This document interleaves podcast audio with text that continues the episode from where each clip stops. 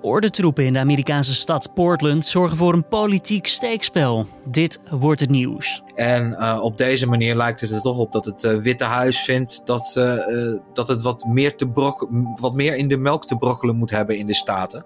Nou ja, daar zullen de regeringen van veel van de staten het bepaald niet mee eens zijn. Trump lijkt voor een harde aanpak te kiezen als het gaat om de orde te herstellen in de staat Oregon. Maar ja, de gouverneur van Oregon is daar niet mee eens. En ook de burgemeester van de stad Portland ziet het graag anders. De vraag die je nu kan stellen is wie heeft er op dit specifieke vlak de macht? En wie laat dat ook zien? We praten er zo meteen over met buitenlandverslaggever Matthijs Lelou. Maar eerst kort het belangrijkste nieuws van nu. Mijn naam is Julian Dom en het is vandaag maandag 20 juli. Dit is de Dit wordt het nieuws middagpodcast.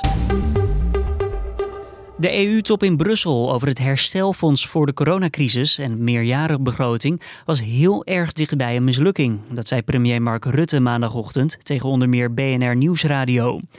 Wel zit er volgens Rutte schot in de zaak. De premier laat weten tevreden te zijn met voorstellen die nu op tafel liggen, al moeten andere landen hier wel mee instemmen. De top gaat vandaag de vierde dag in, terwijl er aanvankelijk maar twee waren ingepland. Een flink aantal regeringsleiders wijst Rutte als hoofdschuldige aan voor het tot dusver uitblijven van succes. Dat omdat de Nederlandse premier vasthoudt aan hervormingen in ruil voor leningen uit het nog op te richten herstelfonds. De helikopter van Defensie die zondag in zee stortte bij Aruba keerde terug van een patrouillevlucht boven de zeegrenzen van het Caribische eiland in verband met coronavirus. Dat zegt Defensiewoordvoerder Sjaak van Elten maandag tegen nu.nl. Bij het ongeval kwamen twee van de vier bemanningsleden om het leven. Vanwege de vrees voor coronabesmettingen zijn alle maritieme grenzen van Aruba, met uitzonderingen van het regulier vaarverkeer, gesloten. Nertshouderijen zouden na half augustus preventief geruimd moeten worden, als er dan nog steeds nieuwe besmettingen worden geconstateerd. Dat is het advies van het Outbreak Management Team Zoonose. Het preventief ruimen na half augustus moet voorkomen dat de nertshouderij als virusreservoir zal functioneren. Experts denken dat de meest waarschijnlijke bron van recente besmettingen medewerkers van de bedrijven zijn geweest. De verwachting is dat het risico op besmetting na juli afneemt, omdat er dan ook minder contactmomenten zijn tussen de medewerkers en de nertsen. Philips zag de verkopen tijdens het tweede kwartaal van dit jaar met zo'n 6% dalen naar 4,4 miljard euro. Wel schat het bedrijf dat de verkopen zonder de coronacrisis met 4% waren gestegen. De netto-winst die daalde naar 210 miljoen euro. De klap werd wel iets verzacht door de ziekenhuisdivisie van het bedrijf. Bij deze tak groeide de verkopen in het afgelopen kwartaal met 14% waardoor de omzet van het bedrijfsonderdeel met 161 miljoen euro steeg ten opzichte van het tweede kwartaal van vorig jaar. Philips produceert op dit moment zo'n 4000 beademingsapparaten per week, die over heel de wereld in ziekenhuizen worden gebruikt. 1 op de 7 Nederlanders heeft geen geld voor een week vakantie. Dat blijkt uit cijfers van het Europese statistiekbureau Eurostat. En dat aantal is ongeveer gelijk als in het jaar daarvoor. Cijfers over dit jaar zijn er nog niet, maar de Europese rekenmeesters verwachten dat de corona-uitbraak de financiële situatie geen goed doet. Eurostat bekeek voor het onderzoek de financiële situaties van de inwoners van de EU-lidstaten over vorig jaar. Zweden, Denemarken en Luxemburg kwamen als best uit de test en Nederland staat op de tiende plek. Dan over naar ons gesprek van deze maandagmiddag. In Portland wordt al maanden geprotesteerd tegen racisme en politiegeweld. De ordentroepen werden twee weken geleden naar de stad gestuurd nadat president Donald Trump een decreet ondertekende dat de Amerikaanse monumenten en gebouwen in de stad moet beschermen en zo de orde te bewaren. Echter lijkt de inzet nu averechts te werken. Hoe dat zit bespreek ik met buitenlandredacteur Matthijs Lelou. Trump die wil zich profileren als een law and order president. Um, nou ja, goed, eh, hij heeft uh, een aantal manieren om dat te doen als uh, leider van de federale overheid. Um, hij heeft uh, eigenlijk uh, begin deze maand heeft hij een decreet de deur uitgedaan om standbeelden te beschermen die uh, doelwit werden van aanvallen door Black Lives Matters demonstranten. En um, ja, goed, nu is het Witte Huis erop uit om de bevoegdheden van die federale ordentroepen die daarvoor worden ingezet, om die flink uit te breiden. Maar lopen die protesten dan ook zo erg uit de hand dat dit ook daadwerkelijk nodig is? Nou, volgens de plaatselijke autoriteiten in Portland is dat in ieder geval niet het geval. Uh, er is wel uh, regelmatig uh, sprake geweest van opstootjes, ook voordat die federale troepen erbij kwamen kijken. Maar dat gaat om een, een kleine minderheid van de demonstranten die daar de gelegenheid aangrijpt om vandalisme, brandstichtingen, dat soort dingen te doen. Maar um, ja, de, de, de bijzonder hardhandige manier waarop nu wordt opgetreden, wat ik net al zei, de burgemeester van Portland, die zegt dat dat totaal niet nodig is. De gouverneur van Portland, Kate Brown, die zei dat die federale ordehandhavers alleen maar zorgen voor escalerende spanningen en nodeloze confrontaties. En ze beschreven hun inzet als openlijk machtsmisbruik.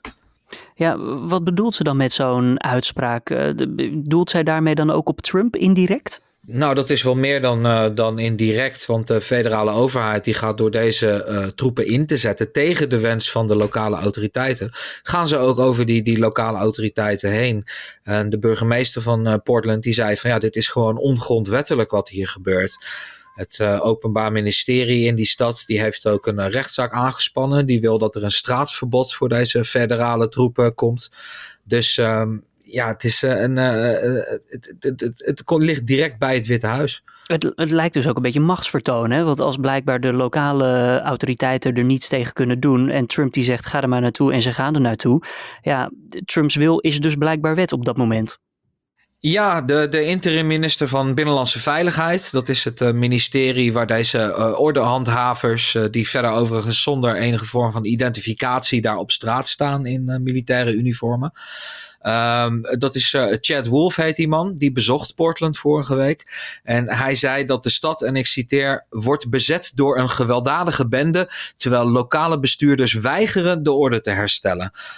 Ja, uh, Mark Meadows, uh, van de minister van de Binnenlandse Veiligheid, die heeft ook al laten weten dat wat hem betreft en wat het Witte Huis betreft, die troepen ook op andere, in andere steden in de VS kunnen worden ingezet. Nou, ik heb even naar die foto's gekeken en je ziet inderdaad mensen in camouflagepakken, soms met gasmaskers op. En ja, wat je net al eventjes zei, geen enkele vorm van identificatie die althans op de foto zichtbaar is.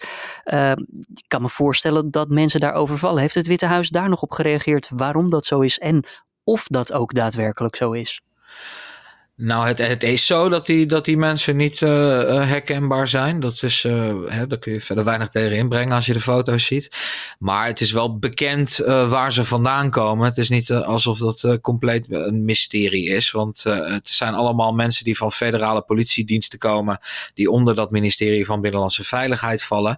En het is nogal een vergaarbakje van, van opsporingsambtenaren. Het, is, het zijn bijvoorbeeld een, een commandoteam van de grenspolitie. Uh, er zitten uh, mensen tussen van de immigratiepolitie, de bewakingsdienst voor federale gebouwen, die uh, maakt er ook deel van uit. Dus het zijn eigenlijk mensen die bij allerlei politiediensten vandaan zijn geplukt om een soort van, ja, dat noemen ze een, een, een rapid deployment force, een, een snel inzetbare eenheid te vormen. Waarom is dit zo belangrijk voor Trump dat, dit, ja, dat, dit, dat deze ordentroepen ja, nu gewoon zichtbaar zijn? Ja, dat heeft te maken met de manier waarop hij eigenlijk uh, vanaf het begin van de Black Lives Matter protesten op die protesten heeft gereageerd. Hè. Hij zet de demonstranten, en het gaat om uh, miljoenen mensen, die uh, zet hij eigenlijk standaard weg als hè, linkse anarchisten die eigenlijk alleen maar rotzooi willen schoppen.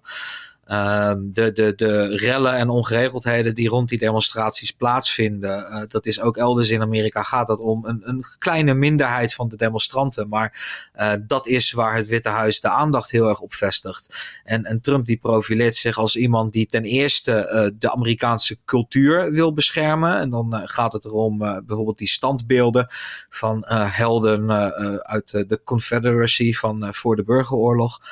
Um, nou, dus hij zet zich als een soort van beschermer van dat uh, nationale erfgoed uh, zet hij zich neer. En hij zet zich neer als een law and order president die uh, ja, met harde hand wil zorgen dat, dat de orde gehandhaafd wordt.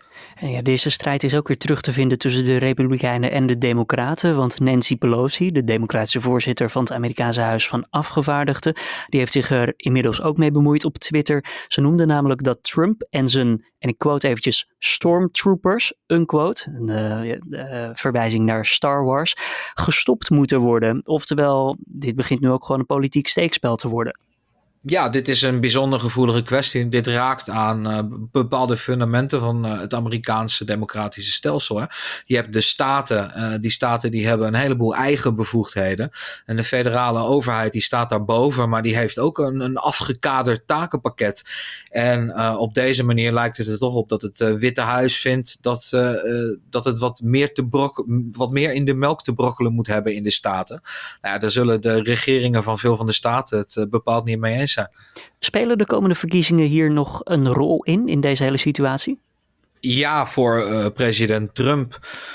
Wat ik zeg, uh, sinds het begin van de protesten profileert hij zich op een hele duidelijke manier. Uh, tegelijkertijd leiden die protesten ook de aandacht wat af van een andere um, hele grote, nog veel grotere crisis, namelijk het coronavirus dat uh, in Amerika nog steeds stevig om zich heen grijpt. En uh, daar lijkt ook uh, de komende tijd geen verbetering in te zullen zitten.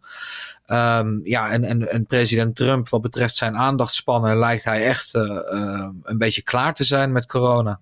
En als we dan eventjes kijken naar de korte termijn oplossingen voor bijvoorbeeld deze staat, Oregon, wat kunnen zij doen? Nou, het parlement van Oregon heeft een brief gestuurd naar de minister van Justitie, William Barr, om te vragen of uh, die federale troepen kunnen worden teruggetrokken.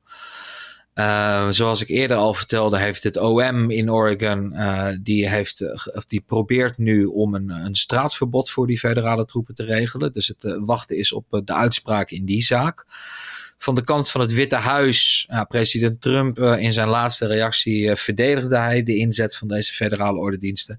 Hij zei dat hij probeert om Portland te helpen, niet om het te schaden. en hij zei dat het, de leiders van de stad, dat die er niet in zijn geslaagd om de anarchisten en de agitators, om die onder controle te houden. Dus het lijkt er vooralsnog niet op dat het Witte Huis erg geneigd is om um, een omdraai te maken in deze kwestie. Buitenlandredacteur Matthijs Leroux was dat. Hartstikke bedankt voor je toelichting. Meer hierover uiteraard ook op nu.nl. Dan nog eventjes het weerbericht. Vanavond en vannacht zijn er brede opklaringen. Alleen in het noorden komt meer bewolking voor. De temperatuur die daalt lokaal tot onder de 10 graden en er is veel kans op nevel of her en der een mistbank. Morgen ontstaan in de loop van de dag stapelwolken en blijft dan op een lokale bui in het noorden na droog bij een zwak tot matige noordwestenwind. Het wordt dan zo'n 18 tot 22 graden. En voordat we bij het einde zijn, nog even nieuws over de gestreepte waterroofkever. Die is voor het eerst sinds 1950 waargenomen in Drenthe. Een onderzoeker van IJskenniscentrum Insecten vond recent ten oosten van natuurgebied De Onlanden per toeval een mannetjeskever. De gestreepte waterroofkever is een van de ruim 100 soorten waterroofkevers in Nederland. En deze specifieke soort kwam tot in de eerste helft van de 20e eeuw verspreid over heel Nederland voor, maar verdween gaandeweg overal uit de zandgronden, uit het rivierengebied en uit de veenweidegebieden. Ook in landen als het Verenigd Koninkrijk en België wordt de soort als uitgestorven beschouwd. Maar misschien is dat dus nu veranderd in Nederland. En dit was dan de Dit wordt het nieuws middagpodcast van deze maandag 20 juli. Tips of feedback zijn altijd welkom via podcast.nu.nl en abonneer je eventjes op deze podcast als het je uitkomt. Dan help je anderen ons weer beter te vinden.